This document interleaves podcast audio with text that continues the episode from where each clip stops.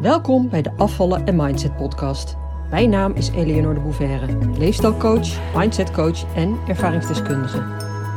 In deze podcast leer je hoe je kunt afvallen zonder dieet met behulp van de juiste mindset door je onderbewustzijn te beïnvloeden. Waarmee je je ideale gewicht gaat bereiken en behouden. Welkom bij de Afvallen en Mindset podcast, aflevering 46. De rol van stress in je afvalproces. Ja, en in deze aflevering wil ik je graag meenemen in de rol van stress. Wat stress met je doet als je wilt afvallen, of de invloed van stress op het wel of niet kunnen afvallen. Want de afgelopen tijd is dit namelijk een terugkerend thema bij mijn klanten, lijkt het wel. Ik heb uh, meerdere klanten die veel stress ervaren. En vaak vanwege een enorme werkdruk. Uh, ja, of nou ja, hoe dan ook, de hoeveelheid verplichtingen die op hun bordje ligt. Allereerst, wat vaak gebeurt, ik zie dit vaak gebeuren, is dat stress heel erg makkelijk als excuus wordt gebruikt om niet te doen wat je eigenlijk wel wilt doen. Dus even los van die stress aan zich, want het is niet mijn bedoeling om dat te bagatelliseren natuurlijk. Ik ben zelf ook goed bekend met onder hoogspanning staan en ik weet hoe het je kan uitputten en, en zelfs verlammen. Als je ervoor kiest om te gaan veranderen, dan is dat vaak op een moment waarop je heel erg in je verlangen staat. je baalt van die vetrollen, van dat tekort aan energie, van alle beperkingen die dat overgewicht met zich meebrengt en je wilt het anders. Je bent er zo klaar mee. En als jij al een stapje verder bent dan de meeste mensen, in die zin dat je inmiddels weet dat het zoveelste dieet je absoluut niet gaat helpen, Integendeel zelfs, want als je dat weer gaat doen, dan ben je nog verder van huis. Als jij je dat realiseert, dus ik moet iets anders gaan doen, want als ik weer hetzelfde ga doen, dus weer een dieet ga volgen, in de hoop dat dit keer, dat ik dit keer wel dat lage gewicht ga bereiken en dat ook nog voor de, voor de rest van mijn leven vasthoud, als ik dat weer ga doen, ja, dat is een beetje dom. Want dan ga ik iets doen wat ik al vaker heb gedaan en dan verwacht ik een ander resultaat. Hmm. Nou, dus als jij al een stapje verder bent dan de meeste mensen, dan is dat natuurlijk een groot voordeel. want dan kun je die stap in ieder geval overslaan. Niet weer voor zo'n oppervlakkige oplossing kiezen. En jij weet inmiddels beter. Dus je wilt veranderen. Je hebt dat besluit genomen. En dat is op een moment waarop je, waarop je je heel erg van die pijn bewust bent. En op dat moment is het dus ook relatief makkelijk om dat besluit te nemen en om te zeggen: ik ga ervoor. Maar dan? Dan komen er uitdagingen op je pad. Sowieso. Altijd. En dat zijn vaak dingen die je dan zou kunnen aangrijpen om te zeggen: Oké, maar het is nu niet de juiste tijd. er ligt nu te veel op mijn bordje. Ik moet eerst uh, dat of dat of dat oplossen. Dus eerst die randvoorwaarden. En dan kan ik er pas echt voor gaan. Dus je parkeert het, hè, je parkeert je verlangen en je doel. En je grijpt de situatie waar je in zit aan als onderbouwing, als rechtvaardiging waarmee je de stappen die je wilt en moet gaan zetten op weg naar dat slanke lijf uitstelt. En vaak niet even, maar voor langere tijd. Want dat is wat er meestal gebeurt. Ik zie dat natuurlijk ook in mijn praktijk. Verandering roept per definitie ongemak op. En jouw primitieve brein houdt je daarvan weg die wil het allemaal wel een beetje leuk houden. Dus alles wat jij kunt aangrijpen als excuus hè, om het niet te hoeven doen, of om het nu niet te hoeven doen, dat grijp je dan aan als excuus als je hier niet van bewust bent. En als je stress ervaart, dan is dat vaak een dubbel excuus, omdat die stress ook nog eens letterlijk een enorme druk op je legt. En daardoor is het ook een enorme valkuil. Want je rechtvaardigt daarmee dus heel snel het excuus. Oké, nu nog even niet, want ik ervaar te veel onrust. Het is nu nog niet het juiste moment. Maar daarmee los je het probleem natuurlijk niet op. Integendeel, sterker nog, daarmee houd je het alleen maar in stand en maak je het in feite alleen maar groter. Want dat probleem maakt vaak deel uit van die stress. Zelfs als je je daar niet van bewust bent. En je wilt het misschien opzij zetten, je wilt het parkeren als een apart onderdeel, als iets waar je dan later wel aandacht aan gaat besteden. Maar je maakt de stress alleen maar groter, omdat dit probleem daar deel van uitmaakt.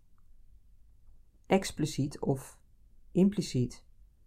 Dus zichtbaar of totaal niet zichtbaar. En het kan zijn dat jij je er bewust van bent. Dat jouw strijd met eten en dat overgewicht samenhangt met de stress in je leven. Maar het kan ook zijn dat je dat totaal niet ziet. Maar het is absoluut wel het geval. Heel simpel gezegd, omdat alles met elkaar samenhangt. Alles hangt met alles samen. Het staat dus niet op zichzelf. Het is namelijk al een stressfactor. Het is iets wat in jouw brein een ballast is. Iets wat je, iets wat jou in, in negatieve zin bezighoudt. Wat zwaar op je drukt, wat aandacht vraagt. En wat je zo graag anders zou willen. Dat negeren en het apart zetten als een hoofdstuk voor later is dus op zich niet zo slim. Nog even los van het feit dat je het dan ook als apart hoofdstuk gaat benaderen hè, op een later moment. Nee. Die strijd met eten en die overtollige kilo's zijn geen verhaal apart. Het is iets dat integraal deel uitmaakt van jouw leven. En daar moet je dus iets mee doen, in samenhang met andere aspecten in jouw leven. En als je veel stress ervaart, dan is dit daar dus helaas ook een onderdeel van. Oké, dus stress in je leven als excuus gebruiken om jouw verandering waar je zo naar verlangt niet aan te hoeven gaan, is jezelf eigenlijk gewoon voor de gek houden. Dat is jouw primitieve brein die jou op dat oude, bekende, ingesleten olifantenpaadje wil houden. Want dat is veel veiliger dan wanneer je gaat veranderen. Dan iets heel anders over de rol van stress. Ieder persoon en ieder lichaam is anders. er spelen andere processen, je hebt andere ervaringen, andere overtuigingen, andere patronen, andere gewoontes, nou, noem maar op. En bij sommige mensen is stress een factor die hen slank houdt die hen niet laat aankomen. Dus dat is vaak tegenovergesteld aan de ervaring van de meeste van mijn klanten, hè, die willen juist afvallen. Maar bij veel mensen werkt stress dus op die manier. Hè, dus dat het enorm veel energie vreet en dat ze daardoor misschien wel kunnen eten wat ze willen, maar simpelweg niet aankomen. Omdat door die stress, door de cortisol, en de verhoogde adrenaline in hun lijf, de stofwisseling en hartslag uh, sneller worden. En ik weet ook dat veel andere mensen dan denken van nou, dat zou ik ook wel willen. Maar weet wel dat stress niet gezond is. Je lichaam kan daardoor uitgeput raken. En dus, ook als het op deze manier uitwerkt, dus dat je er niet van aankomt, ja, dat is absoluut niet gezond. Dus hoef je niet jaloers op te zijn en ja, pas vooral op wat je zegt. Bij de meeste mensen, of in ieder geval bij de meeste van mijn klanten, werkt stress andersom. Daar zijn ze zich niet altijd van bewust. Meestal niet zelfs. En daarom vind ik dit ook zo'n belangrijk onderwerp om onder de aandacht te brengen. Nou, even naar de basis. Wat is nou eigenlijk de rol van stress? Op zich is stress heel gezond. Want in de basis zorgt stress voor overleving. Als er in de oertijd een tijger uit de bosje sprong, zorgde dat voor een automatische stressreactie. je lichaam maakte adrenaline aan, met verschillende fysieke reacties tot gevolg, zoals een verhoogde hartslag, ehm, meer bloed naar je spieren. want die heb je dan nodig, die moet je gaan gebruiken. En dit is natuurlijk een voorbeeld van een acute stressreactie, waardoor je gaat vechten, vluchten of bevriezen. Fight, flight of freeze. Het is een natuurlijke reactie van je lichaam om te overleven. Er worden stresshormonen aangemaakt, dus die adrenaline op de korte termijn, maar ook cortisol. Om op dat moment te kunnen doen wat je moet doen. En je lichaam gebruikt dan reserves hè, energiereserves uit je spieren en je organen. Want op het moment zelf, hè, dus als die spreekwoordelijke tijger voor je neus staat, dan heeft eten natuurlijk geen prioriteit. Hè, dus gebruikt je lichaam die reserves. Nou, en waar het vroeger in de oertijd om tijgers en slangen, beren, whatever ging, hebben in onze moderne tijd met hele andere stressfactoren te maken. Stressoren die nog steeds wel dezelfde lichamelijke reactie teweeg brengen, maar waarbij dat natuurlijk helemaal niet meer nodig is. Alleen dat weet jouw lijf niet. Als jij geldzorgen hebt, of relatieproblemen, of ruzie met de buren, of een baan waar je op leeg loopt, jouw lichaam reageert nog precies hetzelfde. En dan niet in die zin dat je acuut moet vluchten of vechten. Ja, hoewel dat met een burenruzie. of als je gedoe hebt met je partner. Ja, dan, dan kan dat heus aan de orde zijn natuurlijk. Uh, maar je hoeft meestal niet acuut te, te, te vluchten of te vechten. Maar die stress op de langere termijn, die put je wel uit. En van stress moet je lichaam herstellen. Hoe dan ook. Dus het zit dan in een constante overlevingsmodus. En moet daar dan ook nog eens van herstellen. En voor dat herstel is voedsel nodig. je lichaam vraagt dus om eten.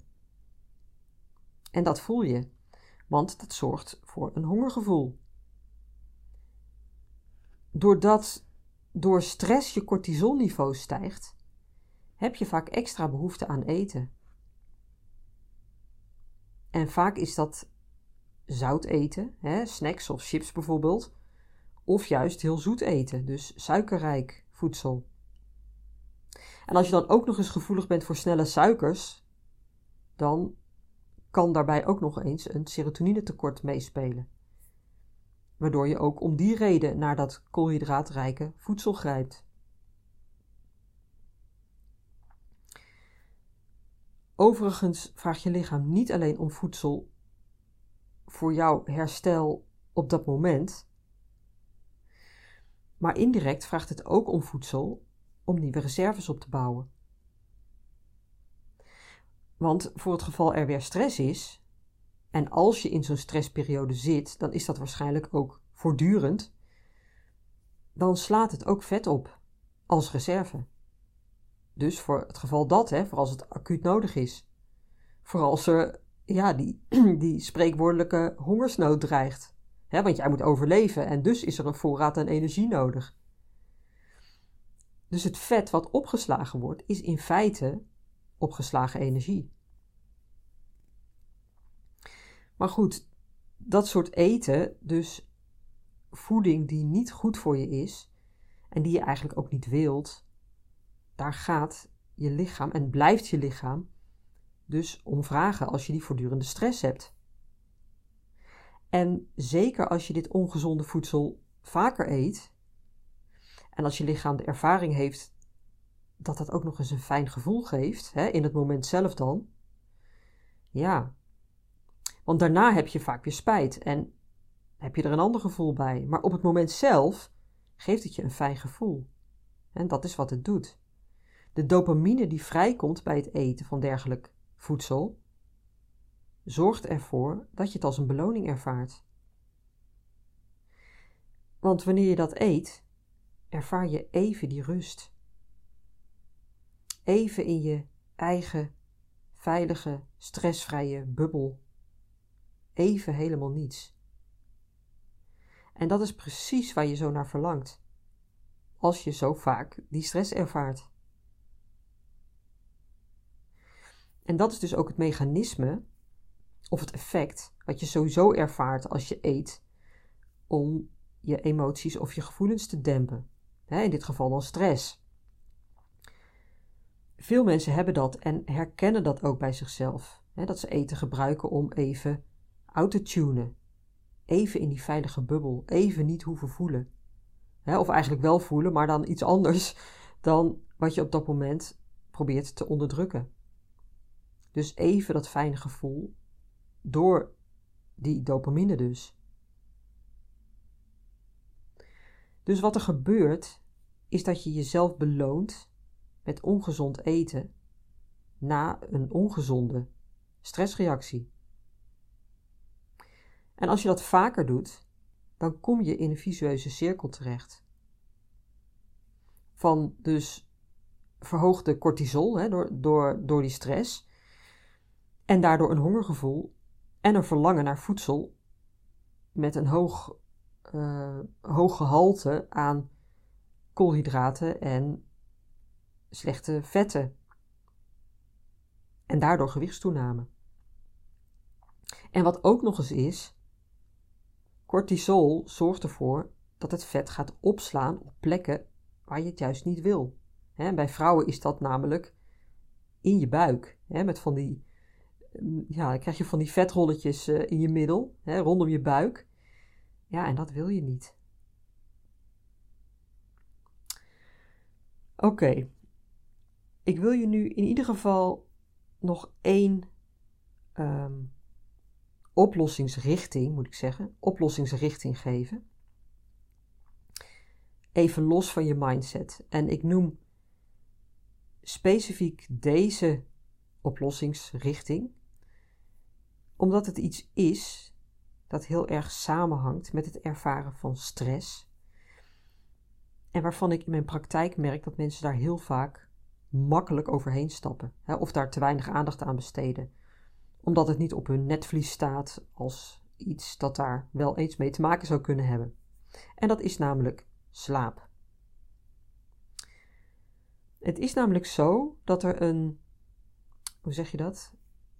Een omgekeerde relatie bestaat tussen de aanmaak van cortisol bij stress en de aanmaak van melatonine, het slaaphormoon.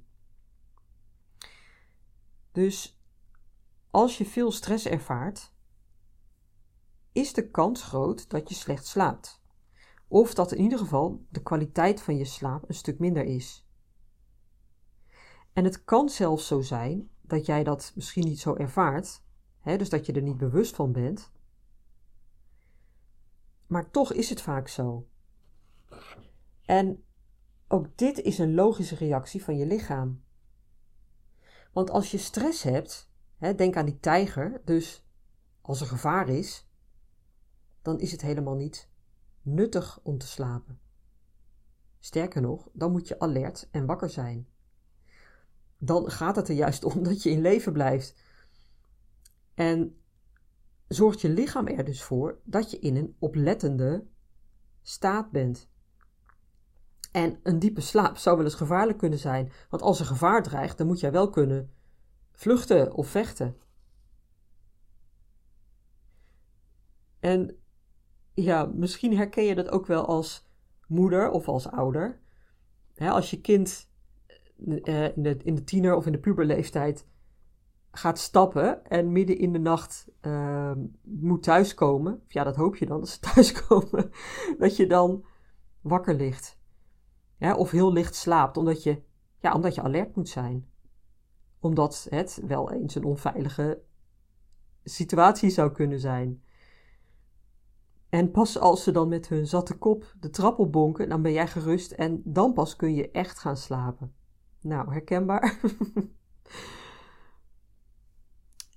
um, als je cortisolniveau daalt, dus door de stress, als je hè, cortisol, stresshormoon, als je cortisolniveau daalt, dus als de stress afneemt, dan zal je melatonine-niveau, dus dat slaaphormoon, zal toenemen.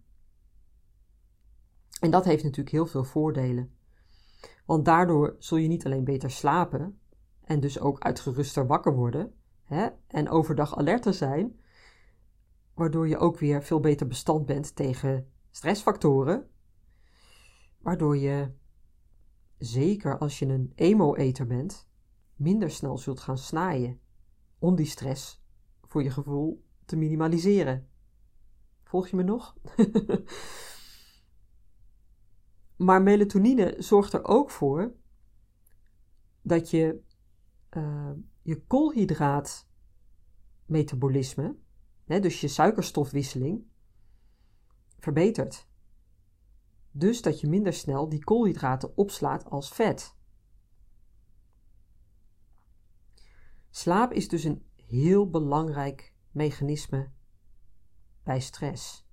Hè, of om stress tegen te gaan, om het te verminderen. En misschien denk je nu wel van, ja, maar hoe dan? Want als ik te veel stress heb, dan slaap ik dus slecht.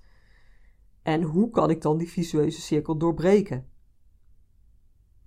Nou, je slaapkwaliteit kun je op verschillende manieren verbeteren. Even los van het verminderen van stress. Dat is natuurlijk een open deur. Ehm, dus allereerst is het belangrijk dat je hier bewust van bent. Slaap is uiterst belangrijk. En hele simpele, praktische dingen die je al kunt doen, zijn bijvoorbeeld heel simpel, ja, eerder naar bed gaan. Ja, ik heb het hier ook regelmatig met klanten over. En wat ze dan vaak zeggen is: Ja, maar dan kan ik niet slapen. Nee, natuurlijk niet, want je lichaam is eraan gewend geraakt om laat naar bed te gaan. Maar ergens zul je dat patroon een keer moeten doorbreken. dus jezelf eraan wennen om eerder naar bed te gaan. En ook van tevoren te ontspannen, bijvoorbeeld door een boek te lezen. Of met ademhalingsoefeningen werken ook supergoed. En zeker geen tv of computer aan s'avonds. Of überhaupt geen beeldschermen in verband met het blauwe licht. Die eh, beeldschermen die stralen eigenlijk blauw licht uit. Wat jouw melatonine aanmaak tegenhoudt. dus dat je slaaphormoon uh, komt daardoor, uh, ja, wordt daardoor niet genoeg aangemaakt. En ook het effect van koffie is iets dat vaak onderschat wordt. Echt. Ik, ik, ik heb zoveel mensen in mijn praktijk die ontzettend veel koffie drinken, echt koffieverslaafd zijn en ja, dan slecht slapen en het verband eigenlijk ja, niet, niet, niet zien, niet leggen. En ik zou hier hè, over slaap wel een keer een aparte podcast over kunnen opnemen. Anders wordt deze aflevering ook te lang trouwens. Um, ja, en ik denk dat ik het ook hierbij ga laten. Want er valt natuurlijk nog veel meer over te zeggen, hè? over stress en over slaap. En over de invloed daarvan op je eetpatroon. Of je ervaring dat het maar niet lukt om af te vallen. Weet in ieder geval dat stress daarbij een hele grote rol kan spelen. Nou, wil ik graag ook nog even van de gelegenheid gebruik maken om je te wijzen op mijn groepsprogramma. Een online groepsprogramma Dat start op woensdagavond 29 maart. 10 weken lang. Uh, plus één bonus uh, sessie trouwens. Dus eigenlijk 11, 11 bijeenkomsten. Um, 10 weken lang, of 11 weken lang dan, gaan we met elkaar op reis. En leer ik je de stappen om af te vallen en dan natuurlijk ook niet meer aan te komen. Waarbij je dus ook van je strijd met eten afkomt. Dus geen gedoe meer met eten. Ja, hoe fijn is dat? Ik hoor vaak van mijn oud-klanten terug dat ze een totaal ander leven hebben gekregen. Met zoveel meer rust. En dat dan nog even los van het gewichtsverlies, hè? Want meestal zien ze dat achteraf dan notabene als bijzaak. Dus je stapt erin omdat je af wil vallen en, slank wil worden. En achteraf denk je, ja, ik, heb, ik heb dan zoveel van geleerd. En dat gewichtsverlies was eigenlijk nog maar bijzaak. Want je hebt gewoon een totaal andere relatie met eten gekregen. En je staat totaal anders in het leven.